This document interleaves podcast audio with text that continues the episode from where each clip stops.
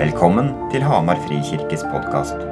Vår visjon er å følge Jesus, dele evangeliet, samle generasjonene og bygge nye fellesskap. Les mer om oss på hamarfrikirke.no. Her er talen fra søndagens gudstjeneste. Takk for invitasjonen. Når jeg sitter her nå, så er det liksom akkurat som jeg skylder denne frikirka noe. Eh, jeg har aldri møtt min svigermor. Eh, hun døde 31 år gammel. Og hun visste eh, at sannsynlig at hun kom til å dø ganske ung. Og ikke minst fordi hun valgte å bære et barn fram. Var såpass, eh, det var et eller annet med nyresvikt som gjorde at det for henne å bli gravid var ganske farlig. Hun fødte et barn og døde selv etter noen få år. Men barnet er min kone. Og både det at hun ble til, og troen i svigermors liv, som har blitt overført til min kone, har betydd mye for meg. Og så starter det litt her, da, aner det meg. Flott å tenke på, og flott å være sammen med dere som en del av dette, da. Så har jeg bedt om å si noe om et tema, nattvær. Og det kan gi meg i utgangspunktet en følelse av å snakke om et um, ikke veldig interessant Eller som om jeg skulle snakke om et ikke veldig interessant inventar i en gammelmodig og lite tidsmessig kirke. Litt uinteressant. Men jeg får også kontakt med en helt annen følelse.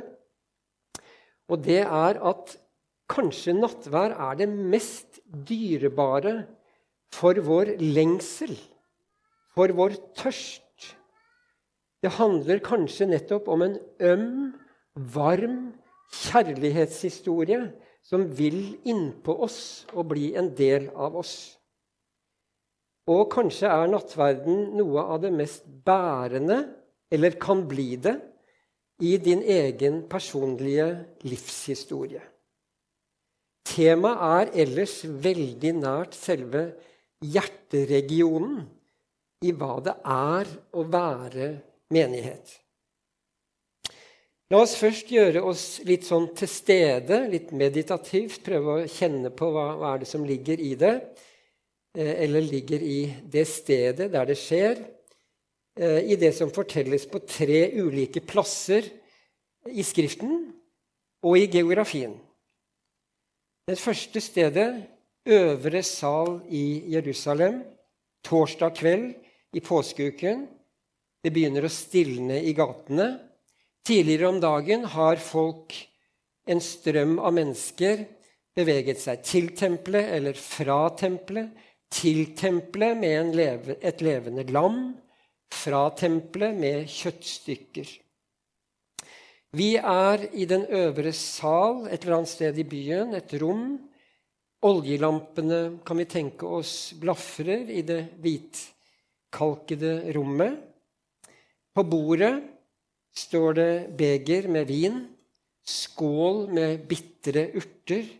Jeg var med i påskemåltid nå i påsken og fikk i meg noen bitre urter som var en sånn forferdelig opplevelse. Og det skulle det være. Om hvordan livet kan være forferdelig. Det er på en måte litt det det ligger i det, med bitre urter. Så er det flere andre ting. Ugjæret brød er der. Og vi er altså i Matteusevangeliets fortelling i kapittel 26, og det står 'mens de holdt måltid'. Og Det er i det rommet vi da er. Så tok Jesus et brød. Jesus er altså sammen med disippelflokken som en husfar, egentlig, sammen med sin familie. Som tusenvis av andre husfellesskap kunne være samlet i Jerusalem. De sitter rundt et bord i all sin alminnelighet i en viss forstand. Det gjør nemlig noe med oss når vi nærmer oss, i hvert fall kjenner jeg det, når vi nærmer oss et dekket bord, finner en ledig stol og kanskje nettopp et ansikt som forteller 'vær så god, sett deg'. Særlig hvis jeg er ganske sulten og i tillegg er litt utrygg på om jeg hører hjemme her. Er jeg ønsket her? og da å bli inkludert rundt et bord, hvor kroppen avspennes, pusten blir litt roligere, og en glad godhet omgir meg sammen med disse rundt bordet. Og nå er det i tillegg påskemåltidet. Det er korn fra fruktbar åker som er blitt malt til mel og bakt til brød. Det er druer som er modnet søte i sol, knust og gjæret til vin rundt et påskemåltid. Og jøder fra alle kanter av Romerriket drømte om en gang i sitt liv å spise påskelammet i Jerusalem. Men tilbake til den øvre sal. Jesus er benket med sine disipler.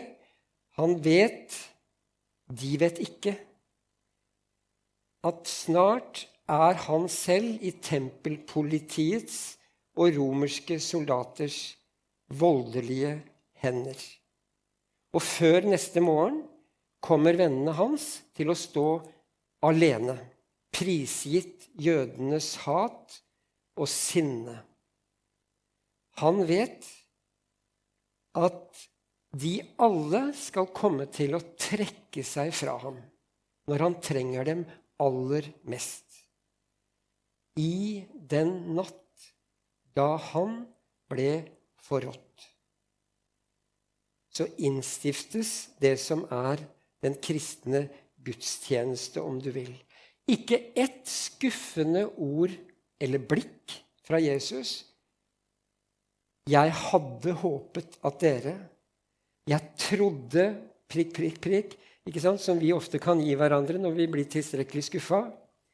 I stedet så er Jesus altså vært velkommen, setter det ned, og så er det han som tar initiativ og innstifter kirkens gudstjeneste, om du vil, nattverden. Ved at urgamle handlinger får nytt innhold, løfter og profetier oppfylles. Mens de spiser, tar Jesus et brød. Han velsigner det. Han bryter det i stykker, sånn at hver enkelt kan få del i det, og sier, 'Ta og spis'. Dette er min kropp. Så spiser de og tygger det i seg og svelger. Og begeret løfter han, takker Gud og sier, 'Drikk alle av den', eller kalken, begeret, og sier, 'Dette er mitt blod'. Og han legger til, 'Det er den nye pakt' i mitt blod. Så flytter vi oss. Egypt, grensen mot øst. Israels tolvstammefolk er samlet. Uendelig lenge har det vart. Hjerteløst og beinhardt slaveri. Det verket sannsynligvis i kropp og i sinn til tusener av israelitter. Men de hadde levd med et slags trassig håp. En gang skal de befris og reise hjem. We shall overcome. Og nå hadde noe begynt å skje.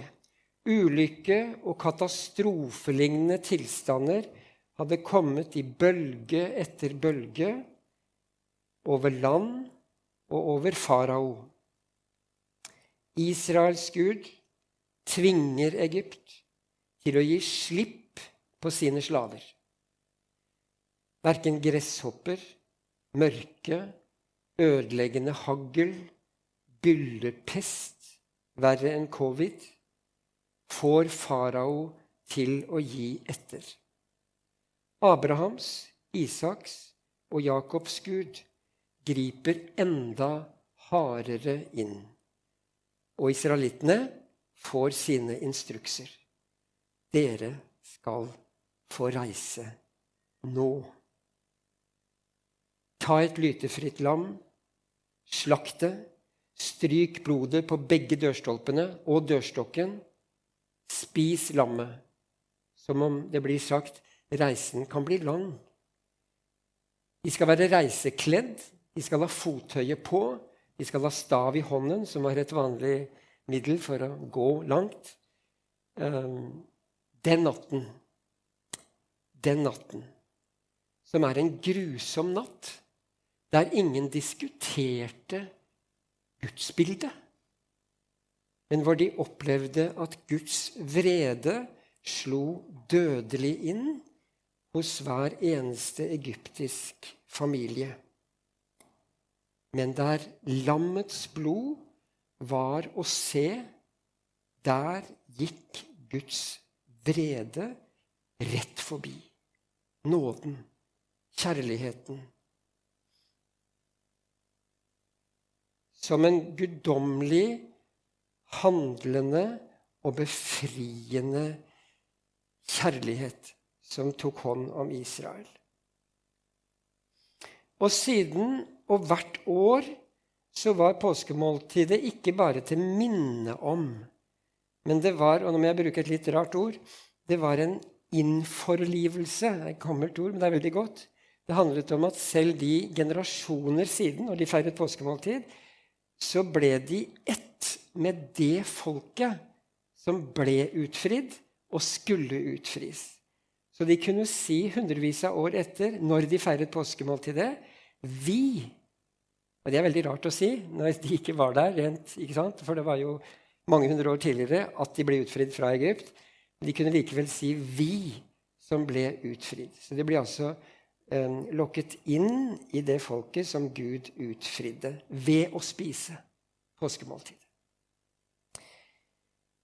Og så siden så ble det altså utallige dyreofre som eh, israelittene brukte på Guds ord og på Guds befaling eh, for at de skulle forstå at de kan ikke leve eller håpe uten at synd og skyld blir fjernet. Uten at selve den grunnskade de hadde i seg som menneske, at den ble behandlet. Det lærte mer eller mindre da, for det var ikke uten videre bare mottagelighet for det Gud ville lære dem, men det var det Gud lærte dem. Pluss at skyld Og det er helt utrolig at skyld hos den skyldige kunne overføres til den uskyldige. Et lite lam med, med, med gode, milde øyne som ble tatt livet av. Det lærte de seg noe om at Gud kunne. At liv ble tatt, eller liv ble gitt, for at annet liv skulle befris, bevares og elskes. Men det ble ikke fullgyldig innstiftet påskemåltidet før vi kommer til det tredje stedet som er et sted som ikke er egnet for en hyggelig søndagsutflukt, nær sagt. Golgata, som betyr hodeskallestedet. Og så er det Johannes som eh, forteller at han eh, Ganske artig at han forteller det, egentlig. Han lå tett opptil Jesu bryst. Det er ikke veldig maskulint, men det er, et, det er veldig mye ømhet i det. Og han forstår seg sjøl, han, Johannes, som en som først og fremst er elsket av Jesus. Han som Jesus elsket, sier han, istedenfor å si sitt navn og hva han jobber med. og sånne ting. Hans identitet er at han er elsket av Jesus. Og han forteller. Og han forteller da en liten detalj eh, i forbindelse med Golgata som forteller, Og han vil fortelle ganske mye med den lille detaljen. Han forteller i Johannes 19 da, da de kom til Jesus, så de, soldatene, at han, Jesus, alt var død. Og de knuste ikke hans bein Det er jo for så vidt ikke så veldig mye å fortelle det, hva de ikke gjorde. Men det vil han fortelle. Og så får han med at dette skjedde for at det ordet skulle bli oppfylt. Ikke et bein skal brytes på ham. Og da er han rett inn i annen Mosebok, hvor jøde, nei, påskemåltidet ble så å si ordinert, eh, og hvor beina på lammet ikke skulle brytes. Så får han sagt indirekte, men egentlig veldig tydelig her er lammet. Og alle de tre evangelistene som forteller litt sånn i takt og litt sånn fotografisk nøyaktig om hendelsene rundt Jesu lidelse og død, forteller alle eh, det samme, mer eller mindre, eh, og beskriver Jesushendelsene og nattværinnstiftelsen sånn som vi kjenner den. Eh, men så kommer altså Johannes den fjerde evangelisten han har ikke spesielt behov for å gjenta for fjerde gang det som skjer. Det er fortalt.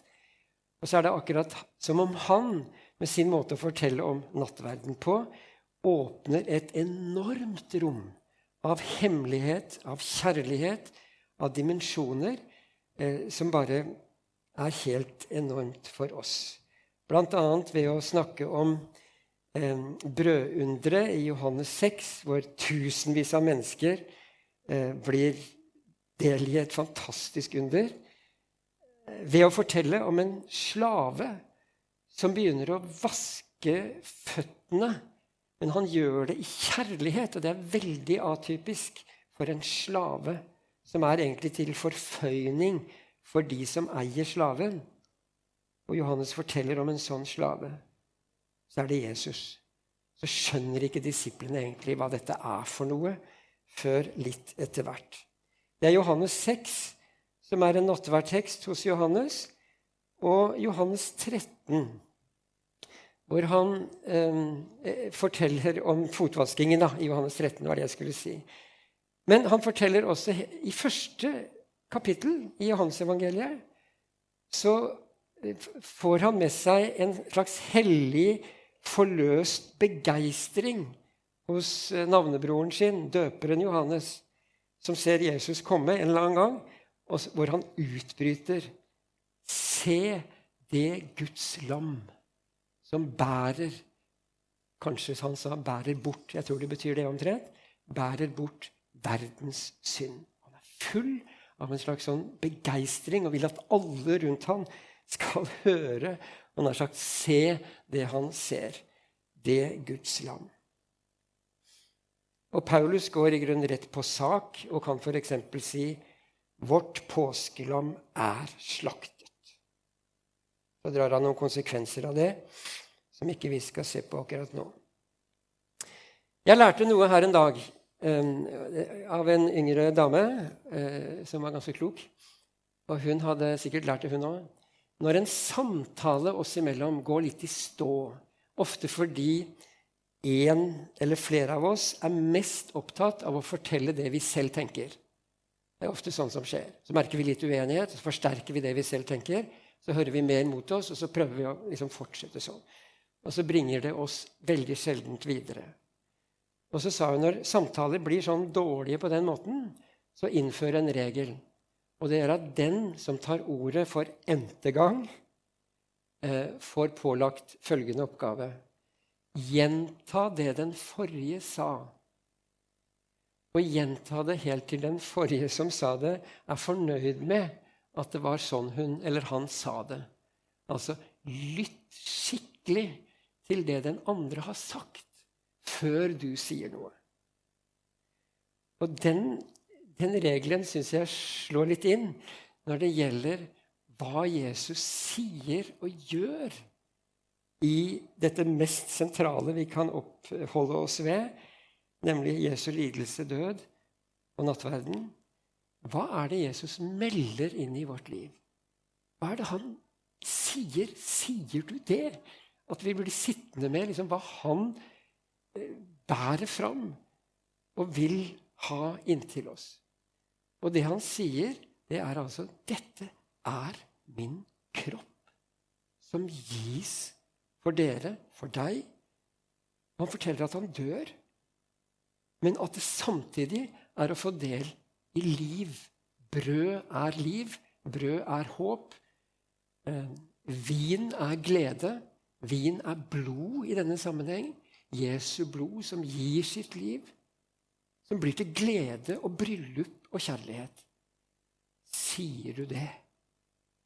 Når vi tar inn det Jesus sier, hva er det da vi får lyst til å si igjen? Eller ta opp av tema eller tanker? Lytt til hva han sier.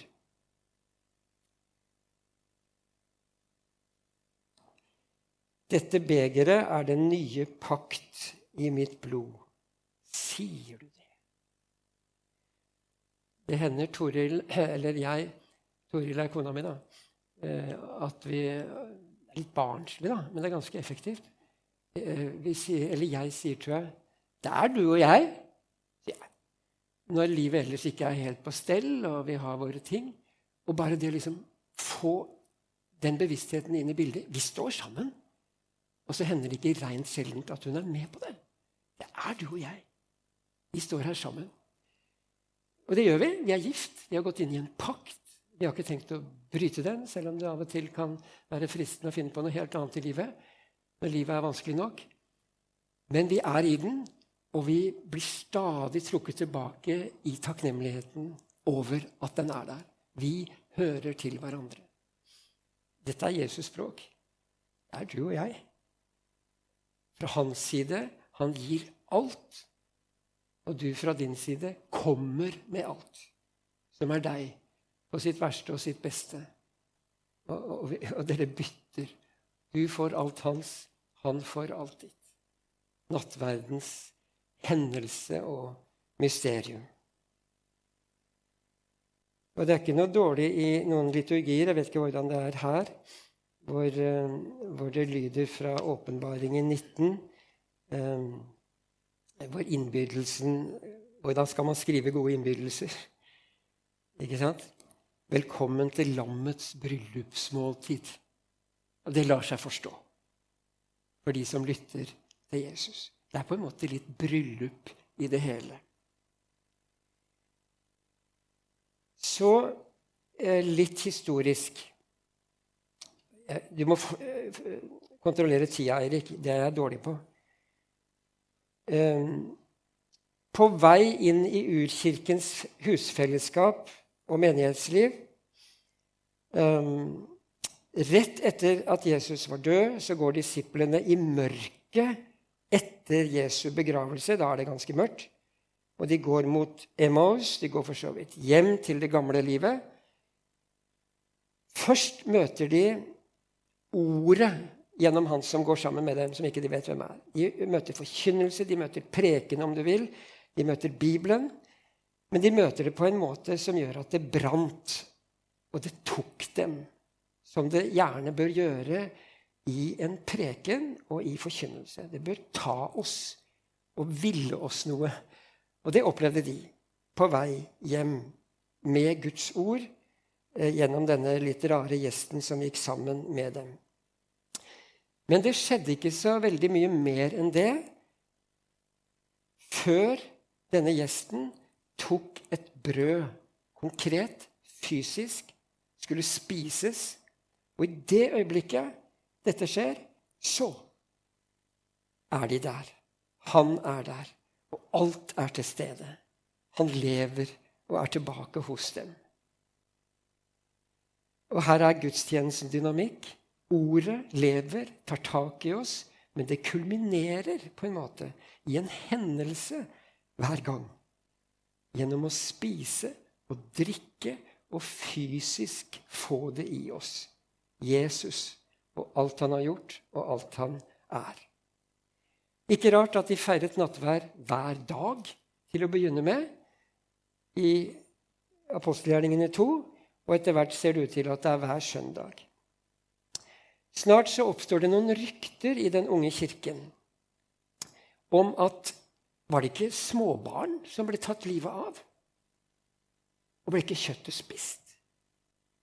Så ble det rettssak, kan vi lese om i historie, eh, om hva det var. Og så fikk de sikkert oppklart noe, men de ble i hvert fall såpass imot dette at eh, det var mulig å slippe straff og bli behandlet på mildeste måte hvis de lovet aldri mer å være med på disse rare, groteske feiringene. Henvisning til nattverden.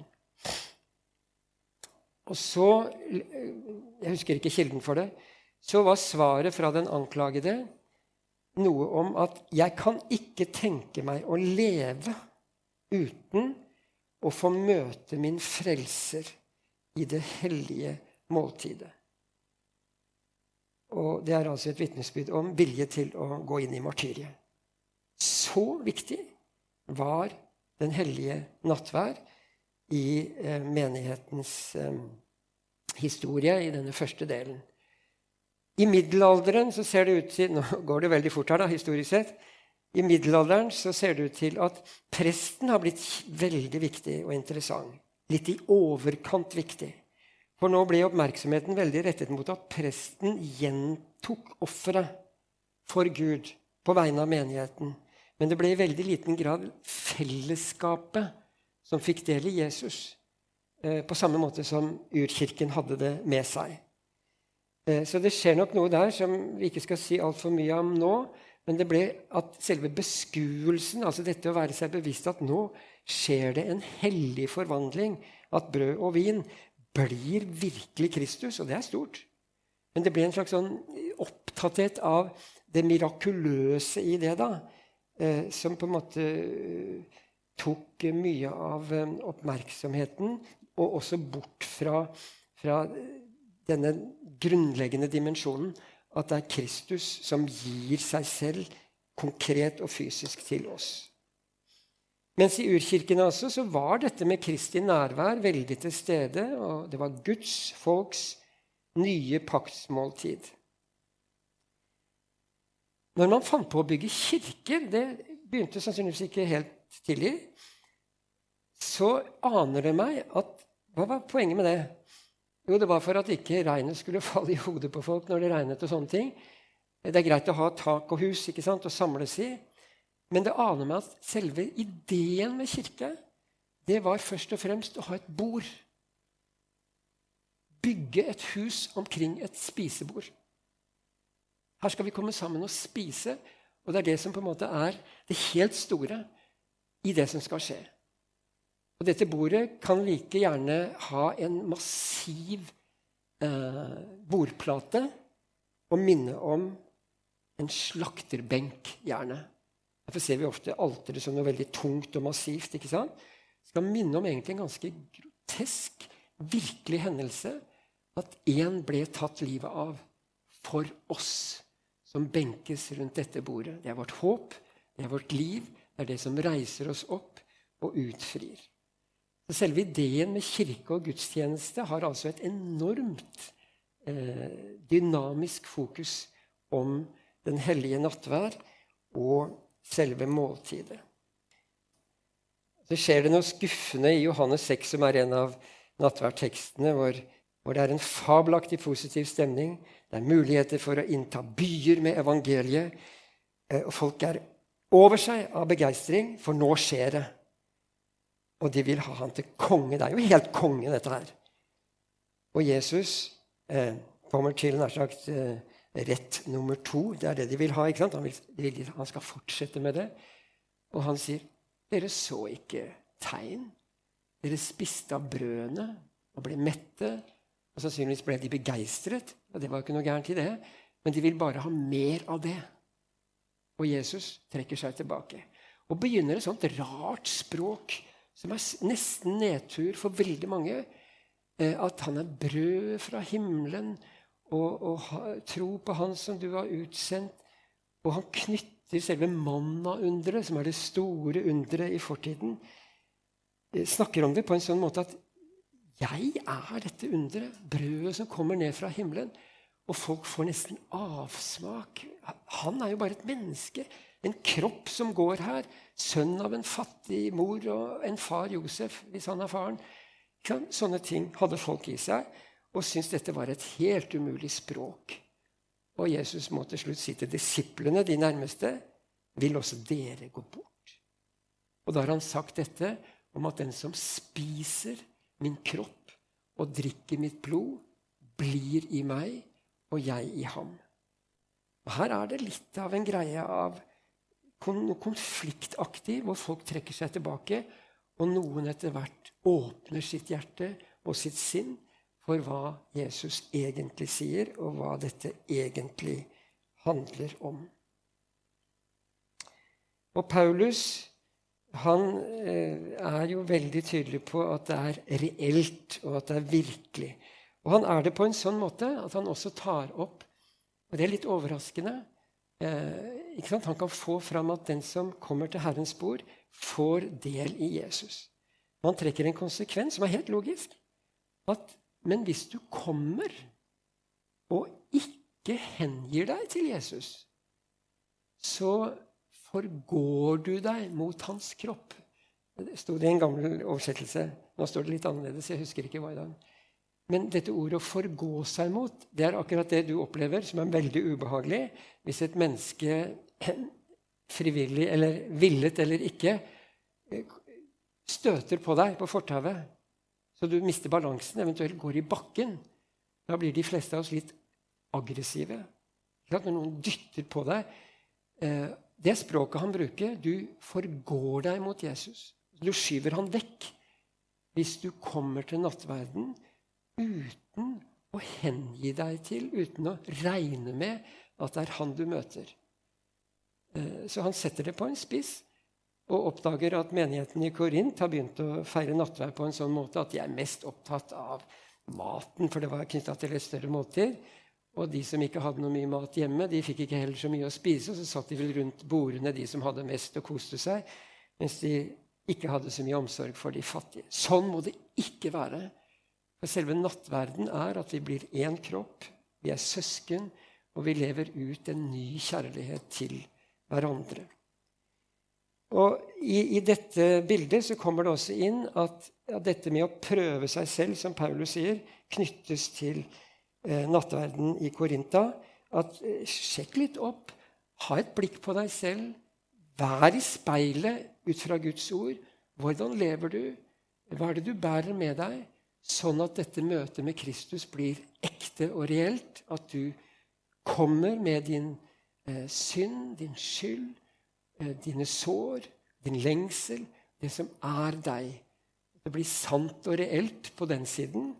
Gjerne via skriftemålet, som på en måte er et sånt real samtale, en reell kontakt med ditt indre.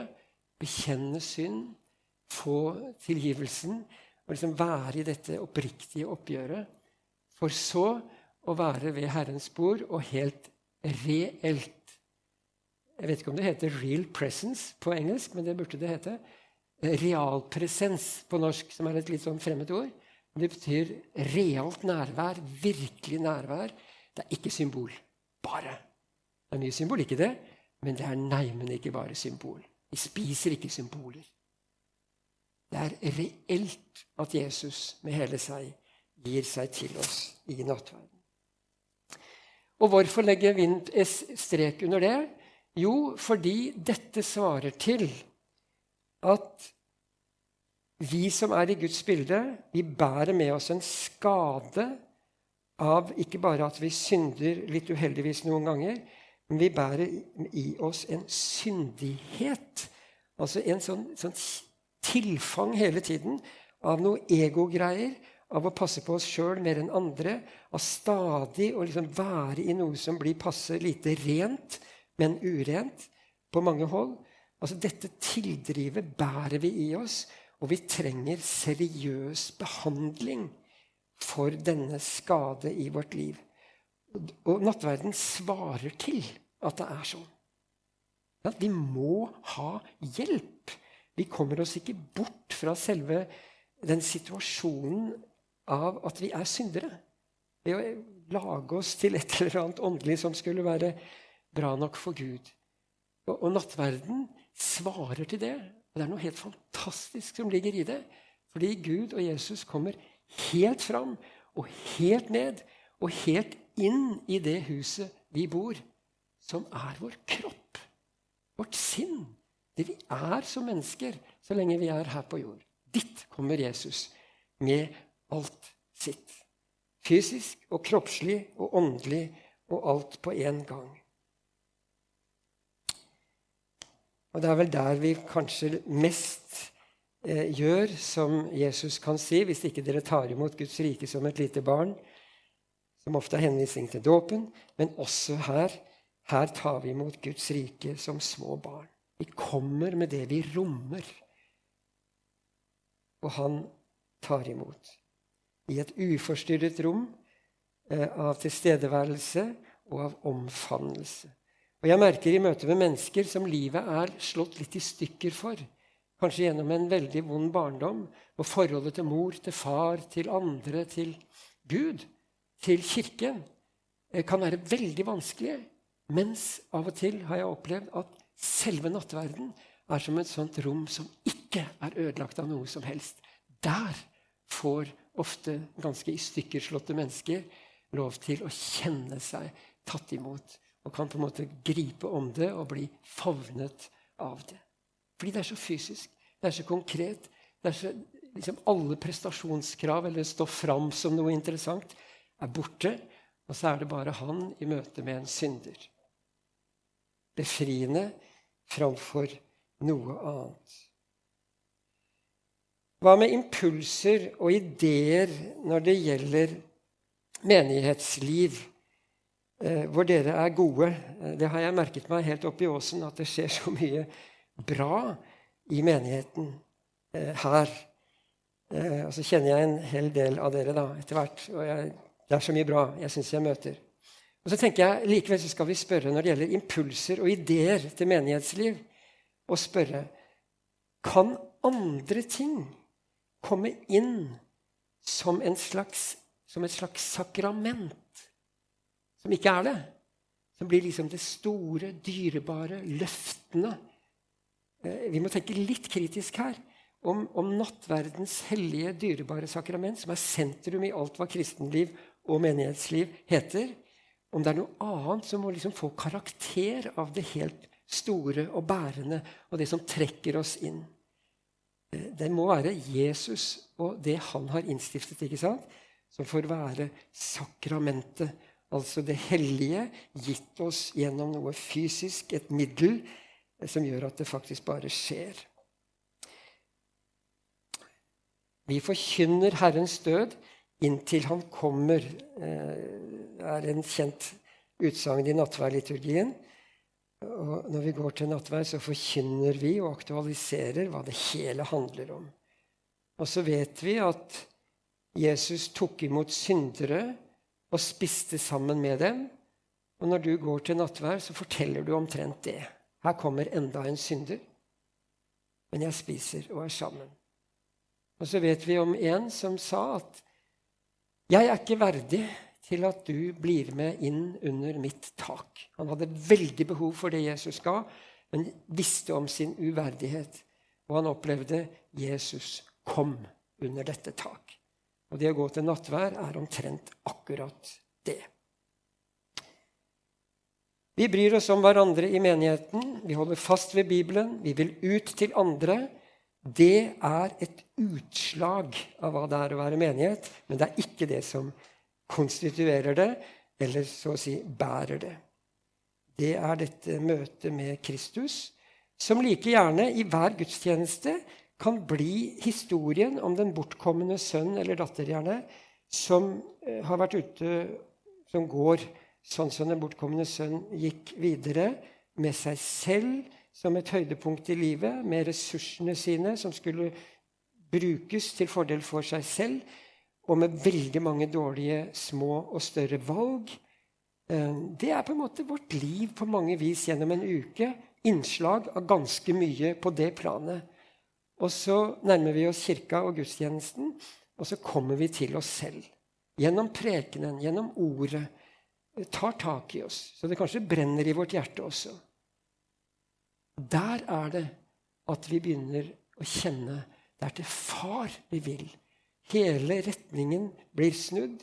Han vil hjem til far. Og så kommer festen, hvor han er hjemme, og alt skjer. Det er det hellige måltidet. Det er fest. Det er far og barn som er sammen i en sånn grenseløs god gjensynskjærlighet. Eh, og der er vi i det hellige måltidet. Og ber gjerne til slutt, etter en nattvær Det er fra den nattværliturgien jeg er mest kjent med. da, Gi oss En fantastisk setning og en bønn. Gi oss å leve det nye livet. Og det fortoner seg nytt hver gang. Sammen med din sønn Jesus Kristus. Så stiger vi ut i en uke med den identiteten i oss, med den bevisstheten i oss, og kan på en måte leve i det Jesus også sier, ifølge Johannes og fotvaskingen, som er nattverdtekst. Eh, som jeg har elsket dere, skal dere elske hverandre. Og jeg vet ikke noe mer byggende enn når mennesker eh, liksom, kommer fra menighetslivet ikke i jakt på bekreftelser. Ikke i jakt på at noen skal synes godt om meg. Det har jeg veldig lyst til hele tiden skal skje. Og det er et gammelt liv i meg. Men det å få lov til å kjenne at jeg har min identitet i det å være elsket, så kan jeg komme og møte andre mennesker som en elsket person. Og da slipper jeg å være et sånn sug fra de andre. Elsk meg, bekreft meg, tenk godt om meg. Og alle disse tingene som vi syns vi er veldig avhengige av. Nattverden er et sånt skikkelig grep om det å finne sin dypeste identitet i å være elsket i Kristus. Og da skjer det noe sosialt som er enormt potent. Takk så langt.